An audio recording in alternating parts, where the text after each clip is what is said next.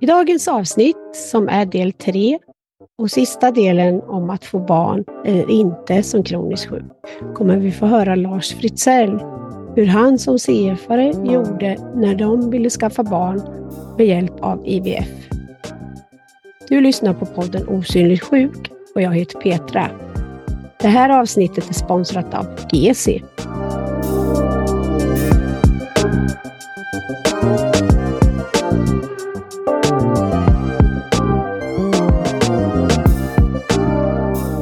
Är Laila och Jonas från läkemedelsföretaget Kesi här.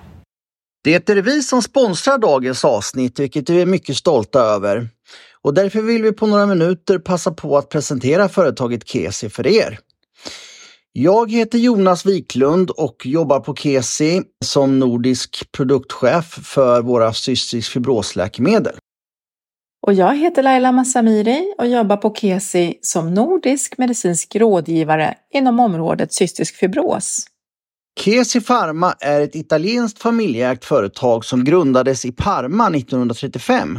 Nästan 80 år senare, 2014, så etablerade Kesi en nordisk närvaro och vi är nu verksamma i alla de fyra nordiska länderna.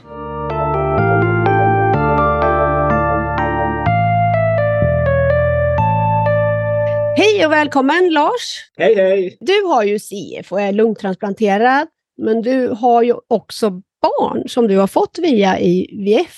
Ja. Jag tänkte att du skulle få berätta lite för oss när ni skulle skaffa barn med IVF och hur det var i början där av 90-talet eftersom du var bland de första med IVF.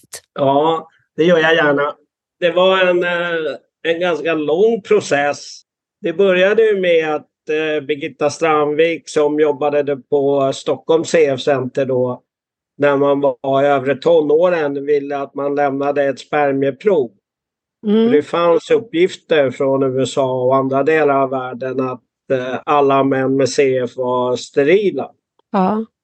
Så att eh, jag fick ett svar efter eh, ett par, tre månader efter jag hade lämnat ett prov att det inte fanns några spermier i, i, min, eh, ja, i mitt prov. Men då tänkte jag först att eh, ja, jag är nog bara lite sent utvecklad. Ja. Eh, det kommer nog, det har nog med CF att göra, att, att jag var så liten och klen som, Ja.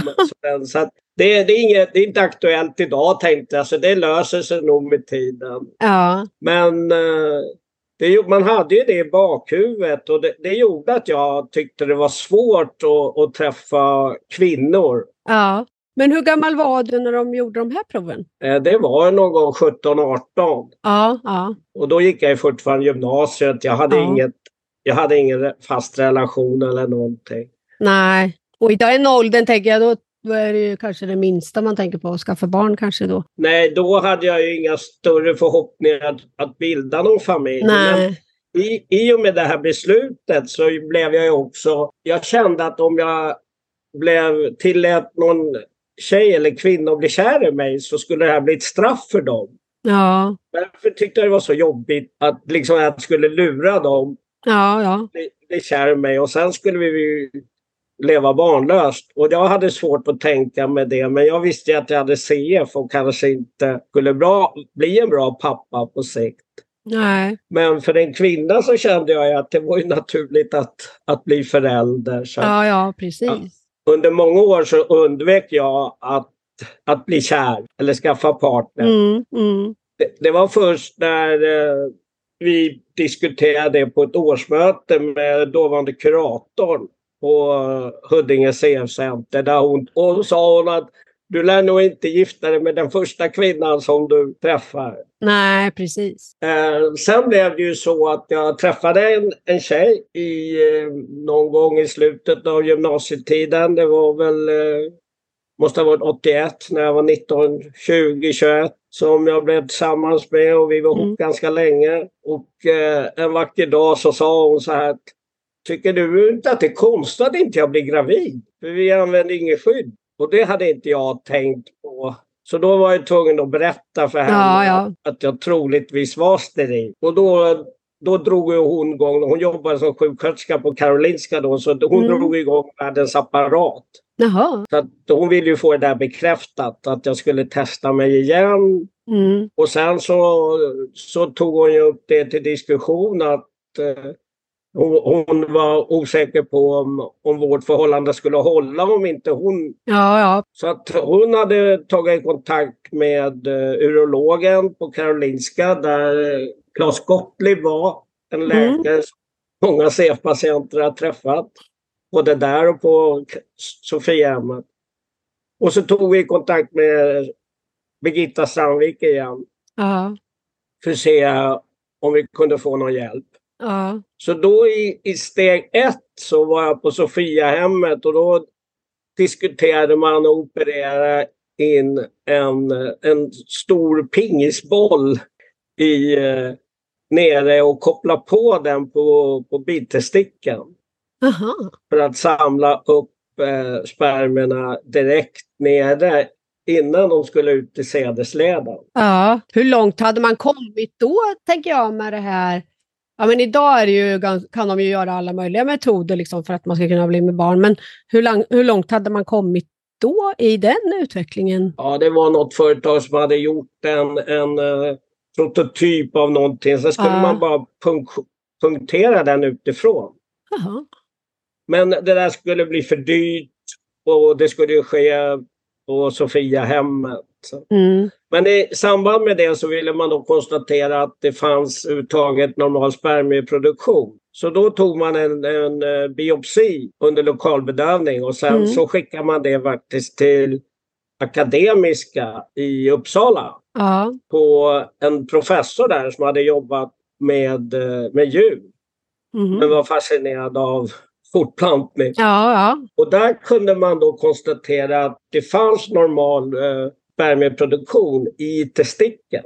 Ja, just det. Så problemet var från bitestikeln och genom sädesledan kunde man konstatera. Och då, då tyckte Birgitta Strandvik när vi fick det svaret att då är det ju fritt fram att gå vidare och försöka hjälpa er. Ja, precis. Några år senare så tog hon kontakt med IVF-kliniken på Sahlgrenska Mm. så hon hade flyttat till Göteborg då. Och eh, där var bland annat en eh, mikrokirurg som eh, var duktig. Så att han opererade mig under åtta timmar och plockade ut spermierna via mikroskop ja. i direkt ur, eh, ur bitestikeln.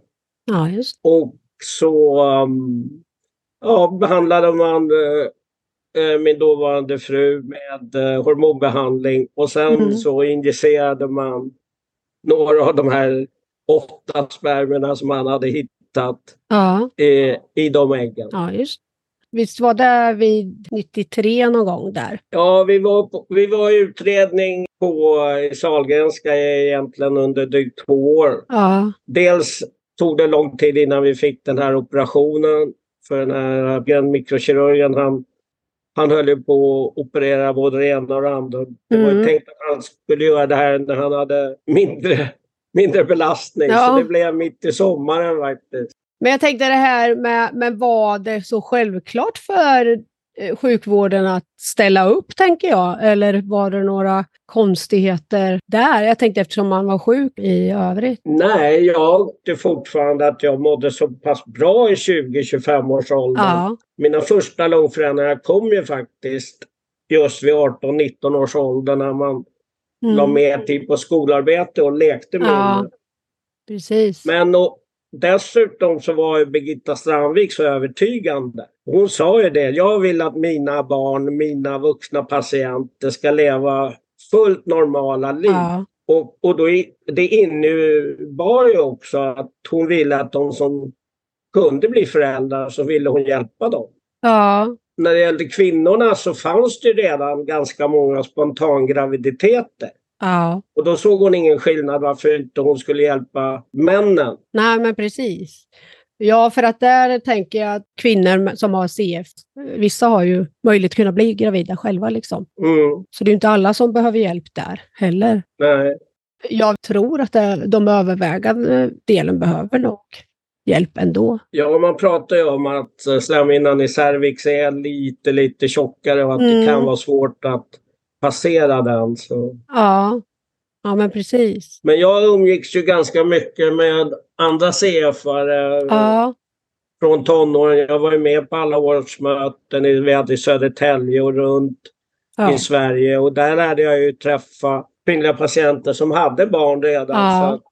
Det som var viktigt var väl att diskutera med min fru då hur hon skulle, att hon var beredd på att jag kanske inte skulle leva så länge så att hon Nej. kanske skulle bli ensam med barnen. Men det var hon fullt införstådd med. Ja, och sen är det ju likadant att man, även om man visst, äh, man vet, ingen vet ju när de dör om man säger så, men, men eh, när man vet om att man har en eh, sån sjukdom, Eh, och sen vet man ju inte hur snabbt det går. Men då under den tiden så krävs det ju ganska mycket av dels av den som är sjuk, men även av resten av familjen också.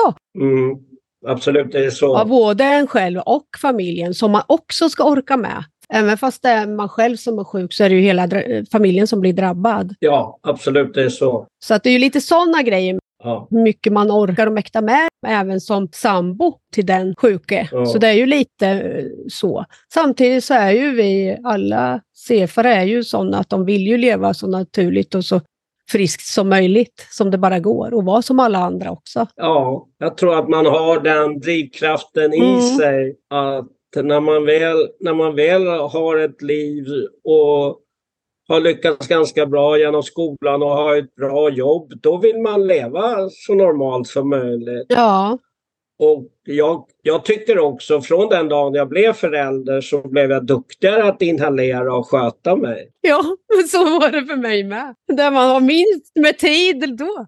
Ja, för då känner man att herregud, jag kan inte lämna det här stackars barnet utan pappa nu. Så. Nej, fast då är man så vuxen nog att man börjar tänka eh, liksom i andra banor och att man, då tänker man inte på sig själv någonting. Det är ju, då lever man ju för det här nya. Ja. Ska man orka det, då måste man ju ta tag i sig själv. Ja.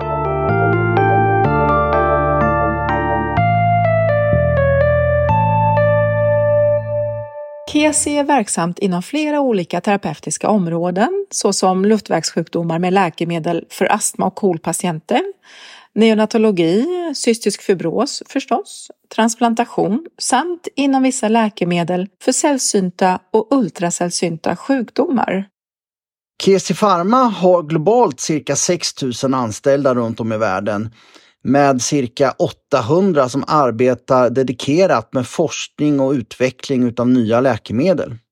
Under de senaste två åren har vårt engagemang inom området cystisk fibros ökat och därför var det en självklarhet att vara med och bidra till CF-gemenskapen och denna podcast som har en viktig funktion i att uppmärksamma hur det är att leva med en sån sjukdom. Och vill ni veta mer om oss, gå in på kesifarma.se och Kesi stavas med CH. Och ha en fortsatt trevlig lyssning.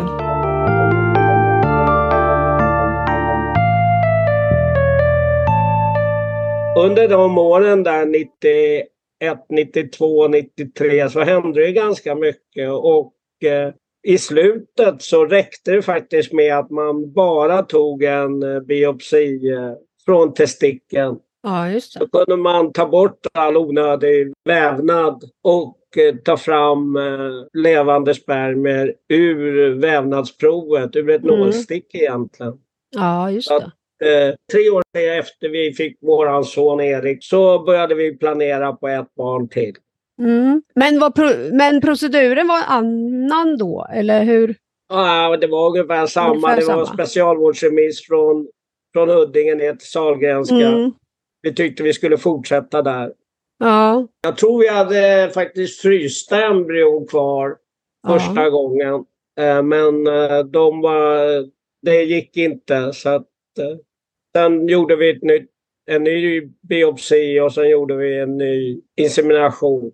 Mm. I mitten av mars 97. Aha. Och sen kom vår lilla dotter dagen före Lucia, 12 12. Ja. Ja. Hon fick heta Maja. Hur kändes hela den här processen, menar, var det jobb, alltså jobbigt psykiskt och, och fysiskt? Eller var det bara självklart? Nej. Tänker, det är ju alltid en spänning. Mm. För det första vet man ju inte om det blir någonting och om det blir, alla har ju de funderingarna liksom så. Men jag tänker eftersom man blir ju lite orolig också när man är sjuk. Nej, men det, det var ju lite så. Vi hade ju flera saker att ta hänsyn till. Mm. Jag hade ju bli, börjat bli lite sämre. Jag var väldigt nöjd med att ha fått ett barn Ja. överhuvudtaget. Samtidigt så hade jag ju syskon. Barnens mor hade ju syskon som vi hade stor glädje av. Så att, att vi båda ville skaffa syskon till vår son var ganska naturligt. Men, men sen kom det in saker som försörjning. Skulle man orka med? Mm. Två barn med fyra års åldersskillnad.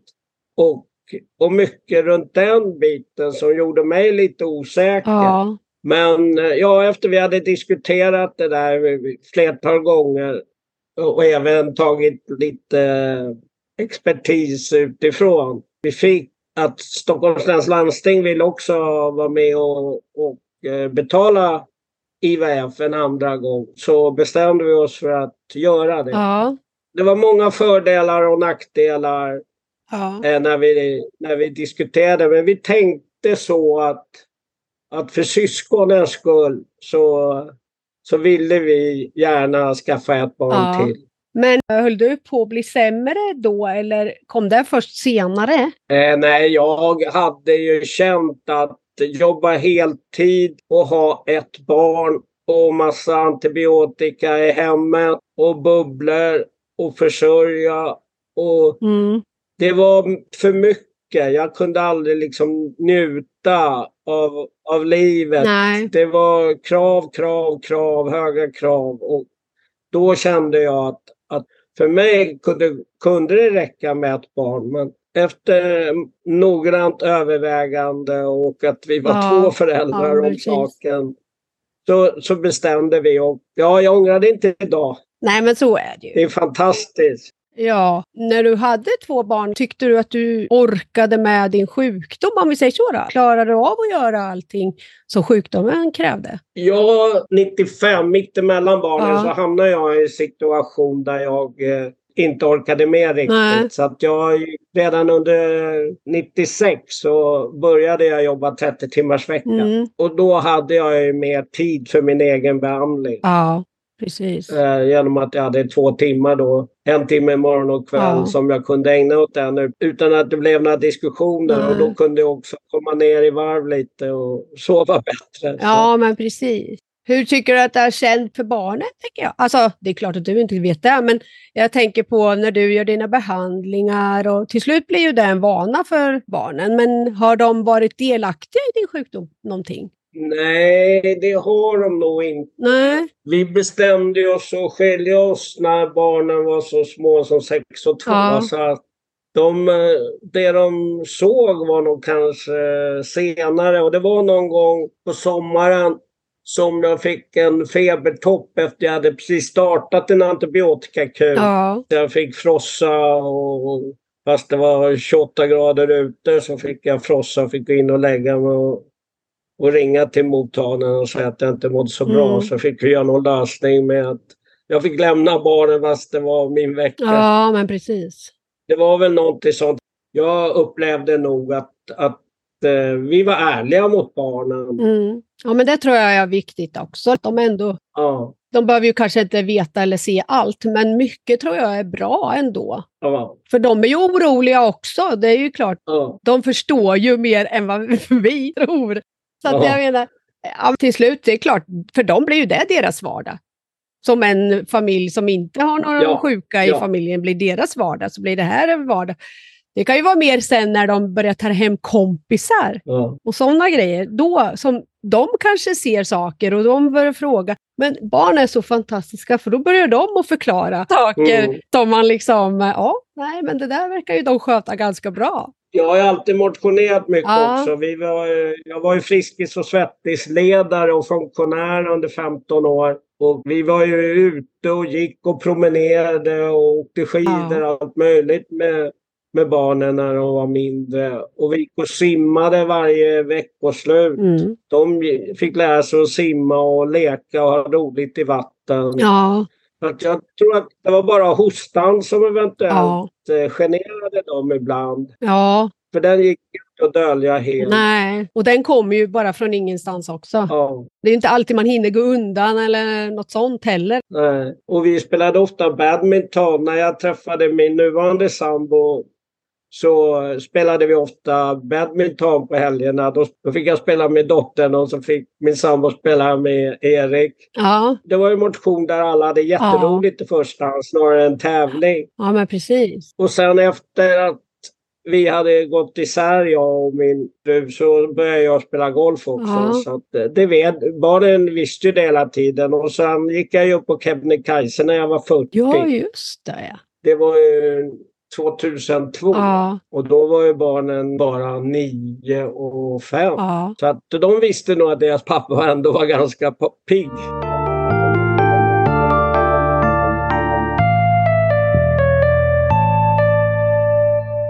En sak som är lite speciell med Kesi, det är att vi är ett så kallat Benefit Corporation, eller B-Corp som man brukar säga. Det här är en certifiering som innebär att vi arbetar mot hållbarhet för miljö, samhälle, patienter och anställda. Och ett av de här målen är att bli klimatneutralt globalt 2035. Kesi Pharma är det största läkemedelskoncernen i världen som har tilldelats en sån här B Corp-certifikation.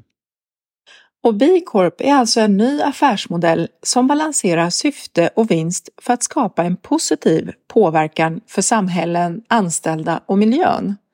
Vi är juridiskt skyldiga att överväga inverkan av våra beslut på medarbetarna, kunderna, leverantörerna, samhället och miljön.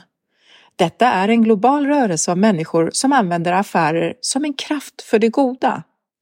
Vi är alla ansvariga för framtida generationer. Så Kesi vill arbeta för världen genom att vara en del av lösningen, inte problemet.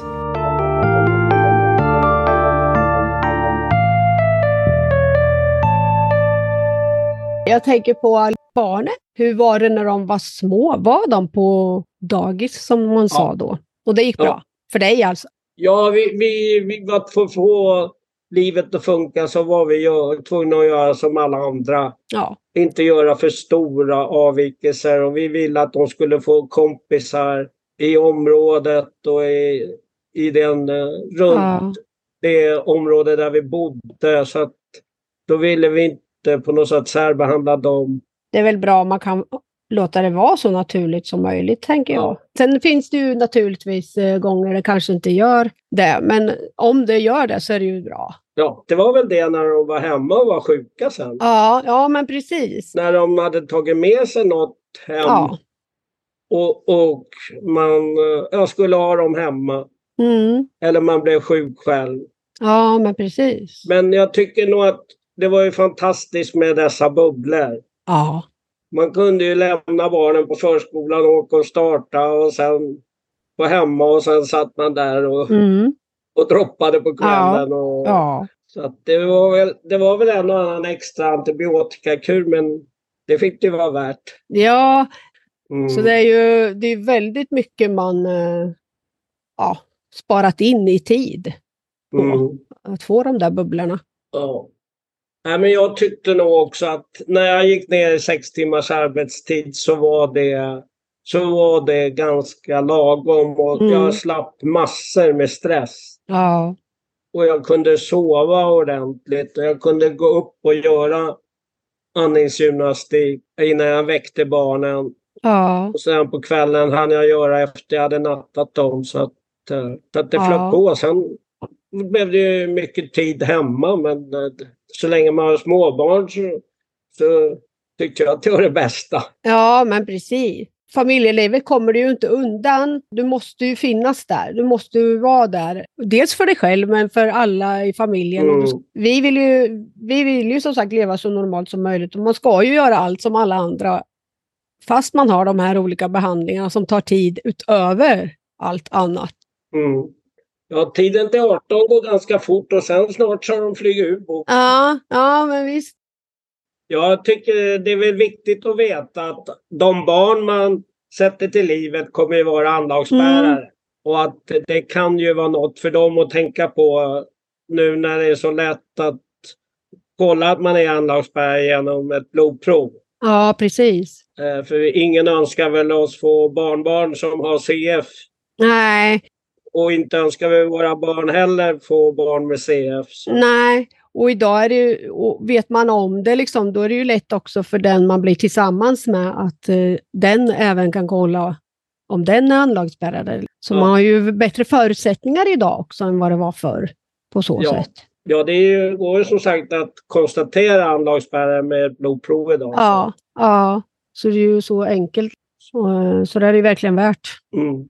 När man har en förälder som är sjuk så får Ja, barnen ett av de anlag för CF. Ett Ja, av dem som man själv bär på som sjuk så att säga. Ja, de kommer ha ett friskt Ja. och ett sjukt anlag. Ja, precis. Så därför är det ju jättebra då att veta att det är väldigt enkelt att ta reda på om även den man har tänkt att skaffa barn med kan göra Mm. så att man slipper få sjuka barn. Mm. Du ska ha ett stort tack Lars för att du var med i podden.